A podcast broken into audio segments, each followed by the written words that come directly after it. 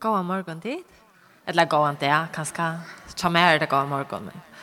Um, deilt at sitte tikon.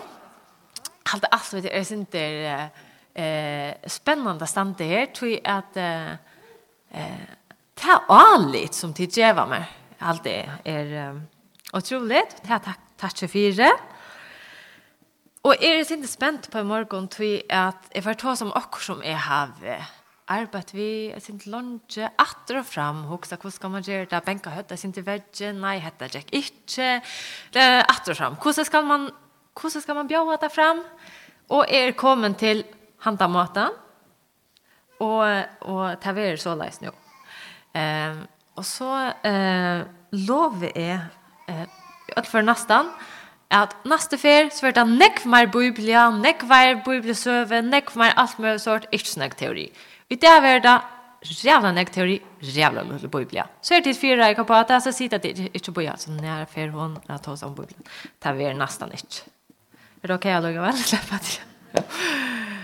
Jag håller lugga väl att är för ta som och som är eh viktigt eh som är eh, och som som kan vara som kan vara erbjörn för och som samkommer og som jeg halte at det er godt til å kunne huske om. Jeg er litt spent. Um, Tony, kan du køre denne mynten opp av verden? Så jeg det denne mynten. Ja, senter også flott. The hands that cradled the stars are the hands that bled for me. Jeg har en vinkone som jeg har kjent alt livet, Eh, vi är uppvuxna samman, vi kommer samma samkomme, vi var leva samman och allt möjligt. Så tog Loive och hon imiska lejer. Hon helt upp att gänga möte. Hon giftes vid en ytterstrikvande man. Och hon blev skilt från den ytterstrikvande mannen. Så blev hon. Så bo hon samman med en annan man. Och så fick det ett barn. Och nu är hon gift vid han mannen. Jag hade inte hon kommer i några samkommer. Mm Og jeg var vånbraten inn av henne ta. Av henne ta. Ta hon valde det som for meg opplevde som eh, ja, at hon valde Jesus fra.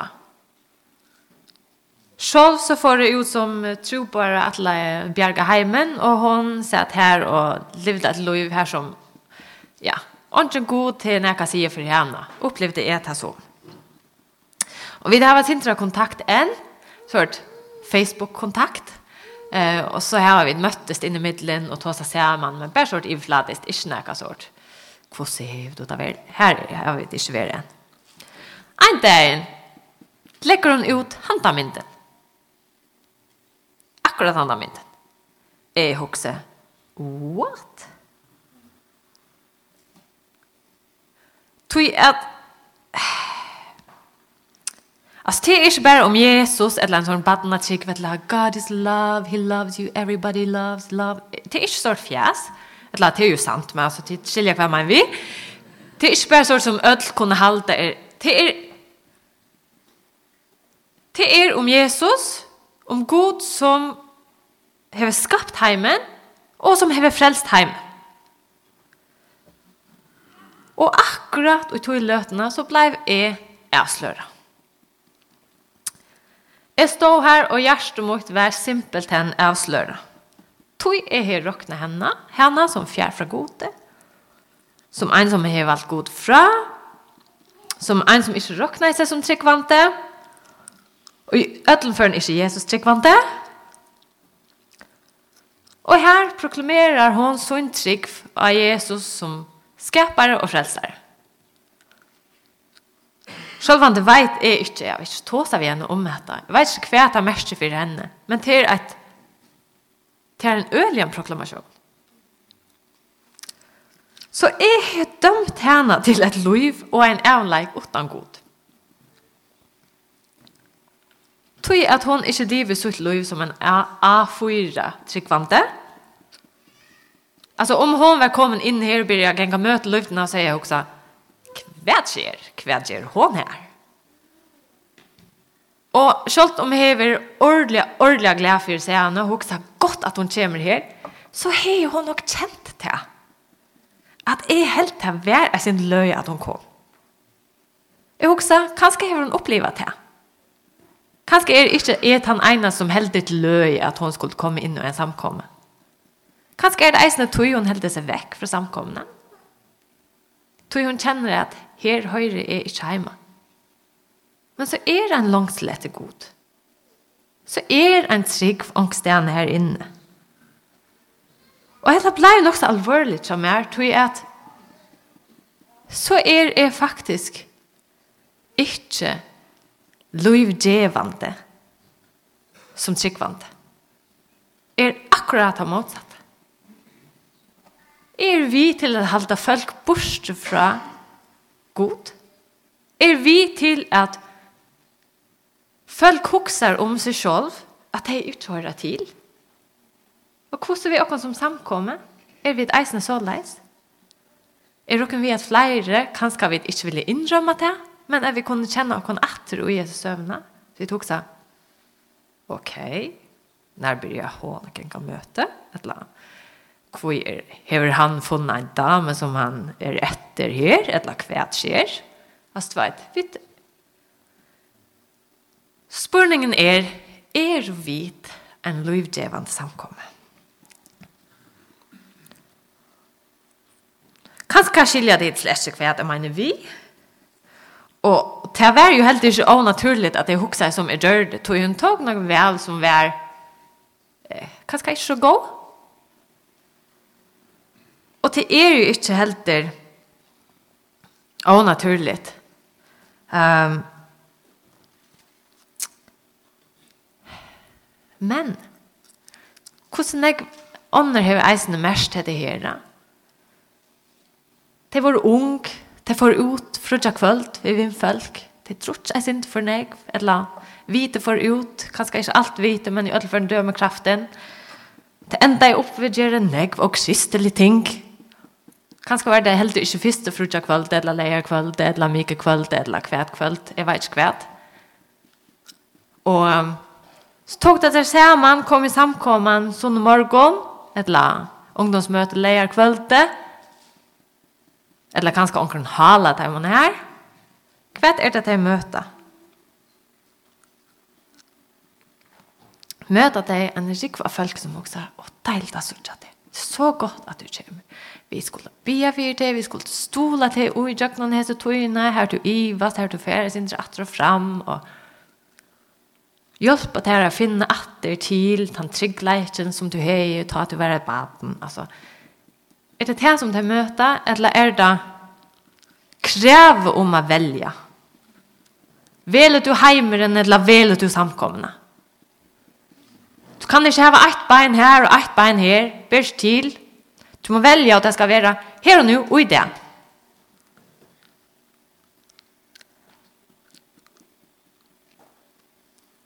Er det folk som hittar etter om man hokser? ja, ja, jeg vet hva du var første kvalitet. Jeg sa til jeg hva du får bo i, du var ikke av beinene. Det sa jeg.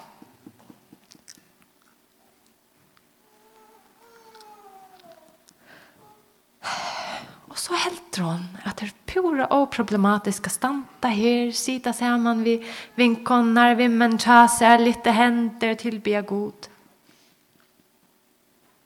Är det det som, det som möter honom? Jeg halte inte allt för ofta. Är det akkurat det som möter dem?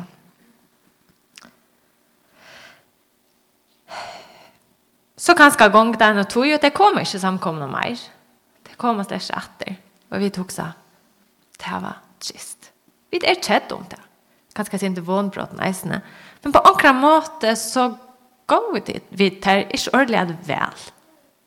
Vi går til ikke ordentlig at vel. Tog vi krøste det. Og det får ut. Kanskje anker er halvt det er ordentlig drøy nå. Og At jeg halte at ja, man kan bare leve akkurat som man vil, og så er det helt ok. Men det er ikke her jeg er. Sjølvande er det noe som hører til samkommen, Og som hører ikke til, annars er det ikke givet mening at kalla det en samkomme.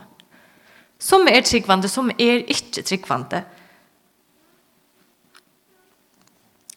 Men hvordan jeg får vi et krøst ord som egentlig lønges etter at jeg har et samband vi god, som egentlig lønges etter at jeg har et fellesskap vi tar mot tryggvann som egentligen långtast efter att leva livet. Det är bara så jävliga ringt att leva samman vid god. Och vi djeva tar man inte rum till att gänga lejen.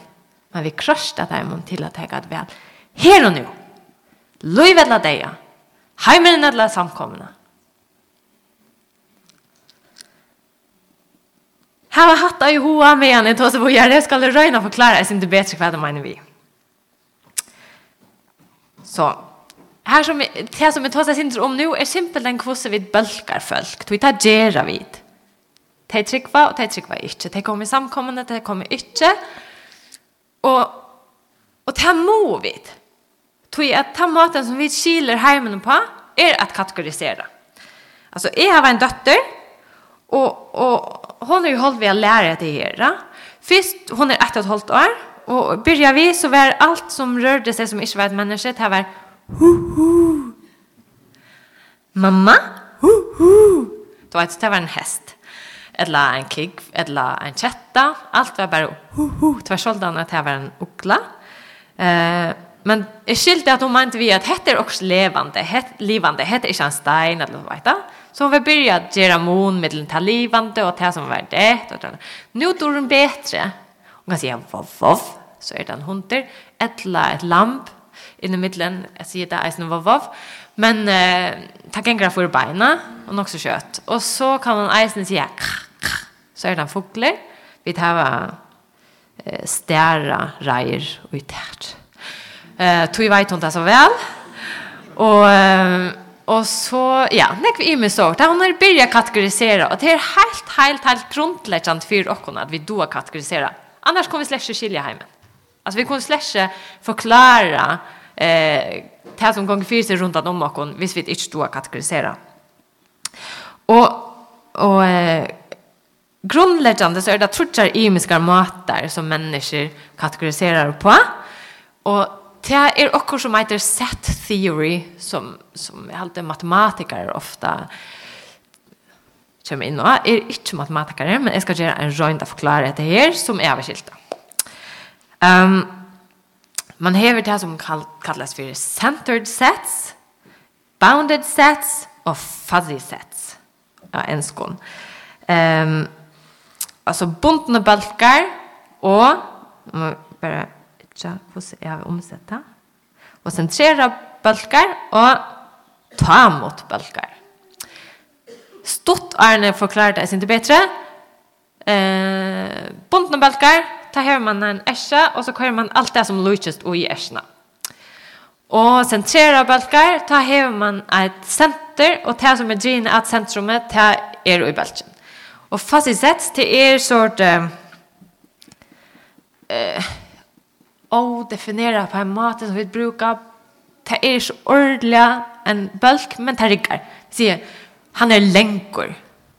Men så vita vi kvar det gånger oj men vi vet inte ordentligt om är det länkor som och i förjon länkor alltså han är mer än 1 meter och halvfjärs eller är det du vet ett annat slag av länkor som mer än 2 meter tar till man an på. Men vi skiljer kvar det gånger oj. Och så är det du vet eh det var et langt møte, altså hur lengt var det? Eller det smakar väl. vel, Det sier ikke ordentlig nek, men vi skiljer hva det gonger vi. Uh, ta for jeg bare at la det ligge her, for ikke ta om det mer. Men først for å ta seg om ta buntene, en bunten bolker. Han kan dit vi så lengt. Jeg får røyne knyte alt sammen vi tar som jeg sier først. At han nå. Um, den buntne bolkeren hever nøkker strukturelle eitkjenner. For det første, Bølgren er gjørt vi å finne grunnleggende eikjenner og karakteristikker som er Og ja, Grunnleggende eikjenner og karakteristikker. Hvis vi skulle bølge til dømes sureple, skal vi finne det her bare. Her som er gjørt.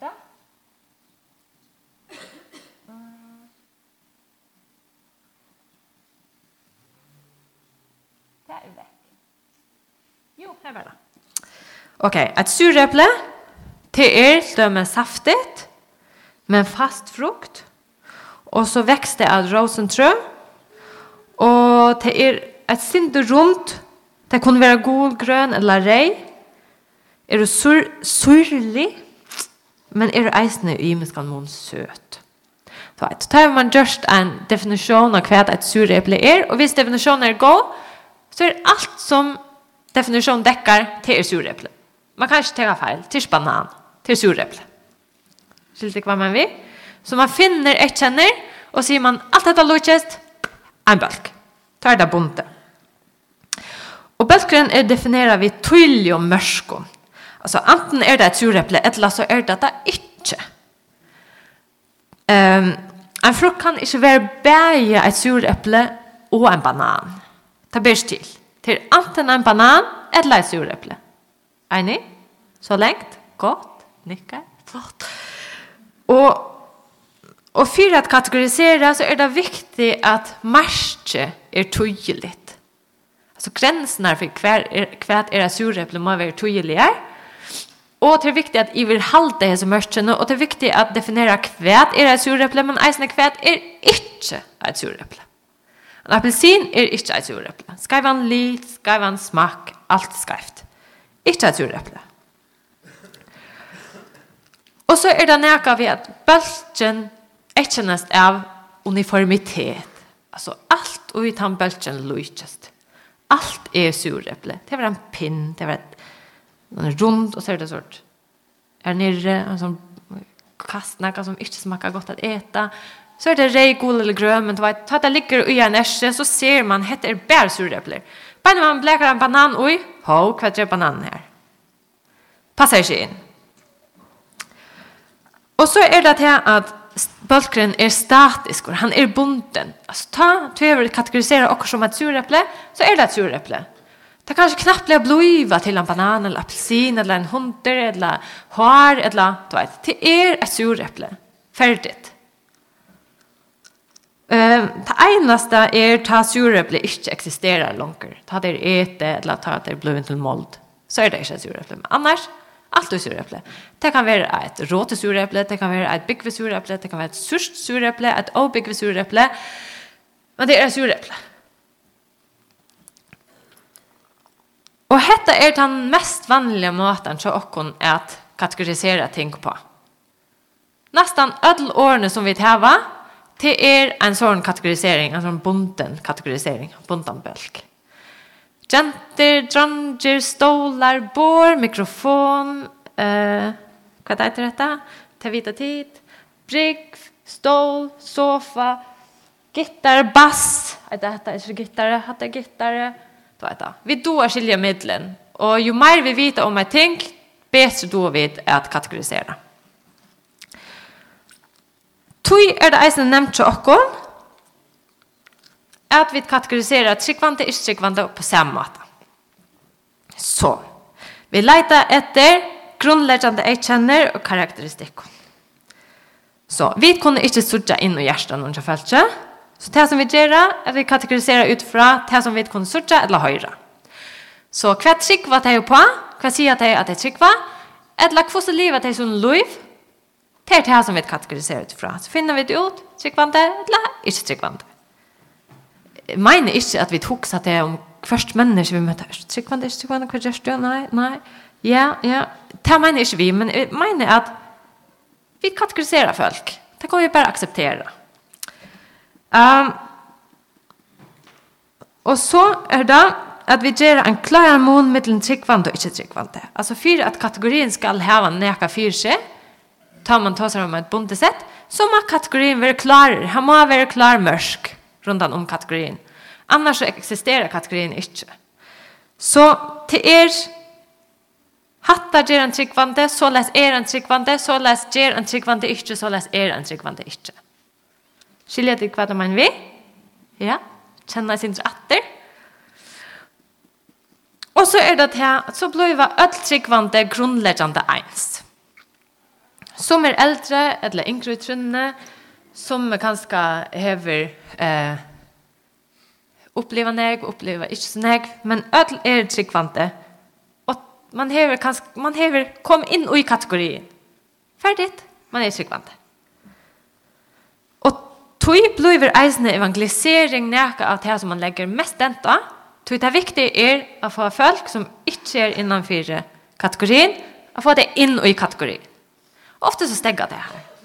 Tog at vi tok seg tryggvande, ikke tryggvande. Han var ikke tryggvande, nå er han tryggvande. Nu er han et surreple, kan ikke brøytast. Surreple, surreple, surreple. Blir omgang til en banan etter, er et surepple. Og nevnt godt om det her, men eisen er sinde problematisk. Uh, er med som heter Paul Hebert, og det er han som jeg har stålet negv fra i det, skulle jeg vite, så hvis du vil lese mer, les Paul Hebert. Um, Han var troboare och pastorer i Indien flere år och arbetade som teolog och missiolog. Alltså han arbetade vi til som hever vi mission eller troboarna gera. Och han brukar ett exempel för att visa att kvui heter problematiskt. Han säger, hvis här nu var en maver i Indien som ät papaya. Han är hindu. Han bor i en luttlar bygd. her han tror på är en dag. Papaya høyre evangeliet. Han skiljer ikke alt. Truban forteller om en god som blod menneske en affær. Og selv har han hørt om flere godar, en rikva godon, og, og høv, altså, Vishnu, han har vært flere fær av hjørnet og blod menneske. Så det er ikke særlig utøy. Altså, det er godene er alle tøyene. Og Det är eisende förvirrande at god tåsar, at att hända tro på han tåsar om god og han tar son, men ikke kona i mynden. Hva er konan? Uh, men det som tro på han forteller ned med vi han. Det henter også i hans hjerte. Han fer iver til tro på han och, och tåsar vi han. Det ändte vi at papaya han bortser så ett hött byr til han den goden som han skiler över han. Men kvært og kvosse, ta veit han ikkje. Han hever ikkje skilt alt. Han veit nesten ordentlig om den ikke goden. Han kan ikkje lese. han kan ikkje lese Bibelen, han kan ikkje lese disse her eh, små sort leaflets som han fer fra trobaren. Han hever onka ærer tryggvand a spyrja om kvært er nu enda nokje tryggvand hver snuta seg om. Og han veit ikkje nær henda trobaren kommer atter, eller om han kommer atter. Spurningen er, er papaya nu tryggvande? Fyra sværer på det. Kan man bli frelst etter å ha hørt evangeliet en affær? En affær? Bare en affær hørt evangeliet? Ja, det må vi sige. Annars ger det ikke mening hvis man skal først för ett teologiskt seminar och så må man då läsa det eller alla man kommer bli frälst. Ja men så nyttar evangeliet. Och Så vi må kunne trykke på det. Man kan høre evangeliet, ena fyr, trykke på hjertet og bli frelst. Men hvordan skulle vi skilja det? Hvis vi skulle bruka ta bondene eh, bølgeren, så ble det øyelig ringt. Tog at han er minimale kunnleikere om god. Minimale kunnleikere om tryggven. Minimale kunnleikere om hva det er å fylge Jesus. Og og takk för kanske att ta år åren för vita nok det var bare till att svära på basic bibel spurningar. Så det kan inte vara eh det som definierar om man är tryggvande eller inte. Och och ens när maten han lever på, han vet inte. kanskje brøytest och kort men ta för att det kan länka i kanske är hans här liv brötest. Är han så inte tryggvande? Jan først, ta bonden maten han hoksa på, så kan han ikke være til. Etla, vi kunne lakka gottene. Sia, ja, man har hørt om god, han tror det er god, man behøver slett at vita sånn er om god, man behøver slett at trygg at god er ein, og, men han er troi, og at Jesus er hans son, på, på den måten som vi skiljer det, tror jeg at, uh, Tinser eisen at det som han hever skilt, enn han er på beia, det skiljer han ikke på okkara måte skilja det på. Tui, han serverar helt imisk. Man kan lakka gottena och säga gott är det som är tryckvante tror du. Eller man kan säga man behöver sig att leva så heiligt, eller så rent, eller så fantastiskt kristligt för att vara tryggvande. Men så halt det är blir inte nöjen att inte cheap. Blir jag? Halt det är. Frelsverket hva blir vi til til? Vi kommer bare leve akkurat som vi vilja, vi kommer bare trygge akkurat det som vi vilja, og god han legger ånds i det. Det er helt ikke, jeg helt det er ikke godt, noe godt. Skilt ikke hva det mener vi? Så jeg helt at vi må finne en annan måte å kategorisere på. En annan måte å bølge tryggvande ikke tryggvande. Og jeg helt en spennende måte å bølge ting på. Det er det som heter et centered set, eller en, en, uh, uh, en sentreret bølge på. Nå skal vi finne det. Det definerer jeg i en sentreret uh, kategori er chatnen. Um, på en av. Og hvordan objekt eller ting relaterer til chatten. Det som beveger seg mot kjattnen, det er innanför kategorien. Det som beveger seg mot kjattnen og ut etter, til utenfor. Så i mån til boksen, man har en boks, blakker, og i boksen, det som er ens, det som likt, det er kategorien. Men her er det et sentrum, et eller annet kjattne. Det som beveger seg mot kjattnen er innanfor kategorien. Det som beveger seg ut etter, hører ikke til. Her er ikke noe sort marsk eller grensa til at du kommer her til, så er du innanfor, så er du her ut, så er du utenfor. Men det hever vi hva, hva rørsle du hever. Vi høyder inn i motor eller utfra. Er det vi? Så lengt? Det behøver ikke være enig, men det er bare at det er skilje kvett, vi. Um, en sånn kategori hyser en imisk leikar. Tog man kan heva okkur som er ordelig tatt vid chatten, som fer inn etter. Og så kan man ha också som er lengt ute, som fer inn etter. Så kan man ha också som virgin ordelig kjøtt inn til chatten. Og så kan man ha också som er gin as inte the in till chatten. Ehm um, Og kategorien er dynamisk. Altså til alt du rørsle i en sånn kategori. Ehm um, Det kommer eller kjøtt ut etter eller inn etter, Og det hender alt vi okkurst vi objektet som er rörsle. rørsle. Tog må man hitje på först objekt individuelt, og vurdere det individuelt. Um, ja. Og det er verre å finne eksempel på uh, enda måten kategoriserer på og i åkere mål, tog vi er så øyelige boksotter. Altså vi kategoriserer nesten alt og i så er bondene sett eller bundne bølger. Men et magnetfelt, det er kanskje den beste, den beste mynden.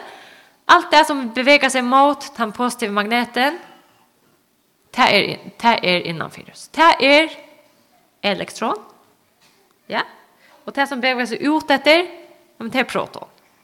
Så det hører ikke til bølgen, hit hører til. Det er ikke hvordan det ser ut, eller hva som er til, om det er magnetisk eller ikke.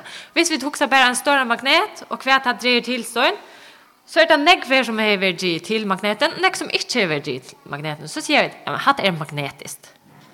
Og det er ikke vi skap å gjøre, det er ikke vi støtt å gjøre, det er ikke vi nek å gjøre, bare at det er tiltrekt av magneten. En annan, eh, et annet eksempel kan være Eh, vissa sätter mig i centrum. Nej. Och så huxar eh viner. Jo men mina viner till er Två till sin i men hur så tatt det är, hur så långt väck det är, men det här näka vi min relation till mina viner. Till relatera till min så är er centrum och så vinner undan om och de som inte är vinner till färra. Ehm um, till några exempel på hända maten kategorisera på. Tui mine viner er rævla imisk, det er ikke alt som tryggva det samme, det er ikke som sutja samleis ut, det er ikke som dama samme mat, altså det er det som det faktisk hava felagt er med.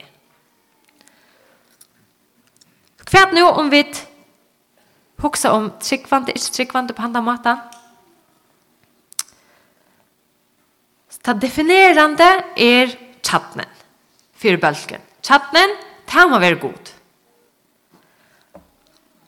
Og det som definerer hver høyre til, og i hendet bølgen, er om du beveger deg mot, inn mot midten, eller ut etter.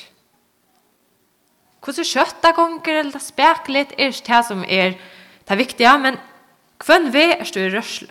Det mester er at um, man kan være lengt ute.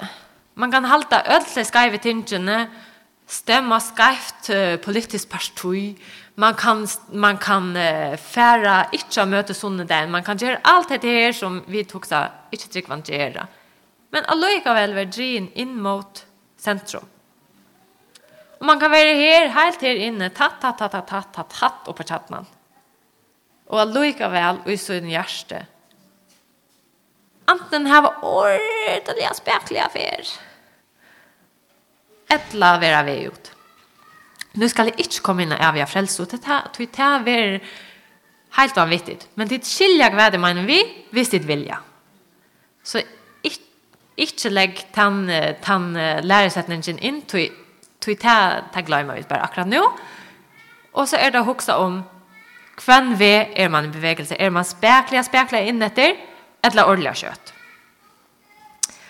ehm um, det som är viktigt är att det är en månad och de som høyrer til og de som ikke høyrer til. Det er ikke bare sånn, ja, men ødel høyrer vi. Det er det ikke. Du er enten lærst du av vi inn etter, eller gjort etter.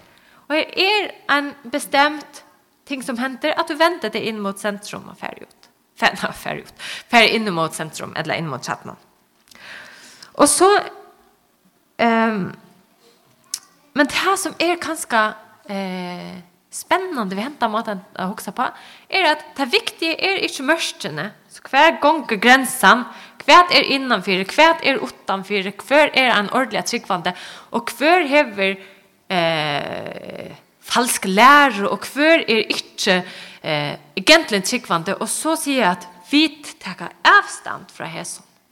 Men här som tjattnen är stersk, god er midten, så blir fokuset Vi peikar av tjattna. Vi peikar av tjattna. Så kan man roma nok som ikke var imiskleikar.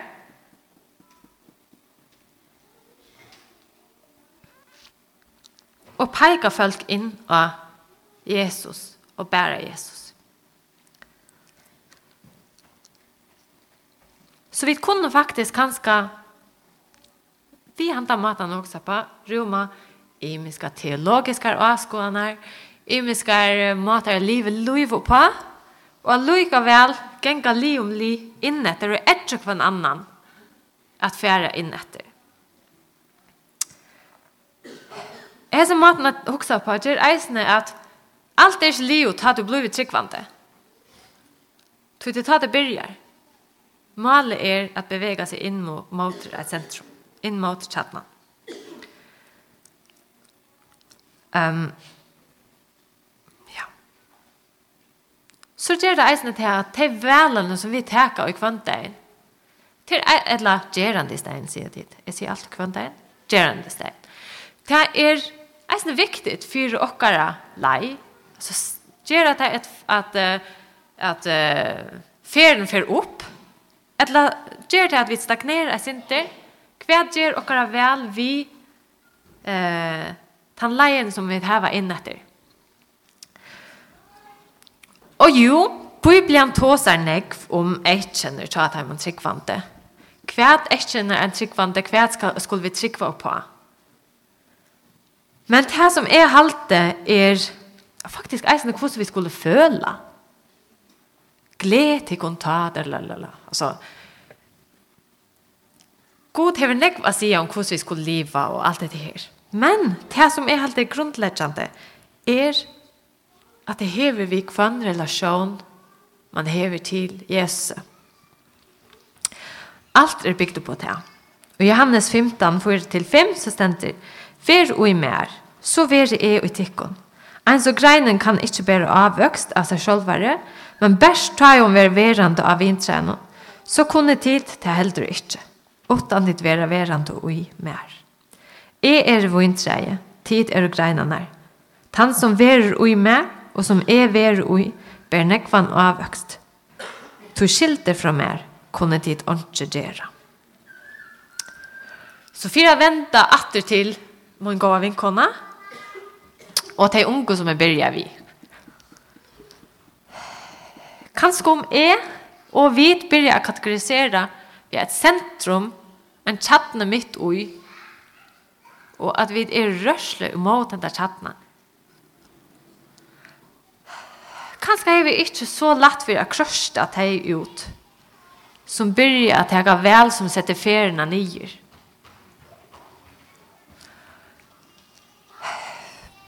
Kanskje hadde vi et fevna deg, jeg, stola deg i munnen i stedet for at, uh, at krøste deg ut, og kanskje hadde vi et eisen doa bedre at gjørst læresveinar, Tog jag att nu var det inte bara att yes, det tog mot Jesus det. Nu är allt gott.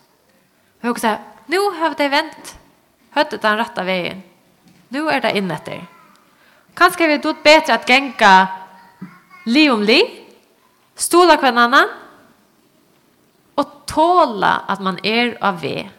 Att allt inte är super duper gott beina vägen.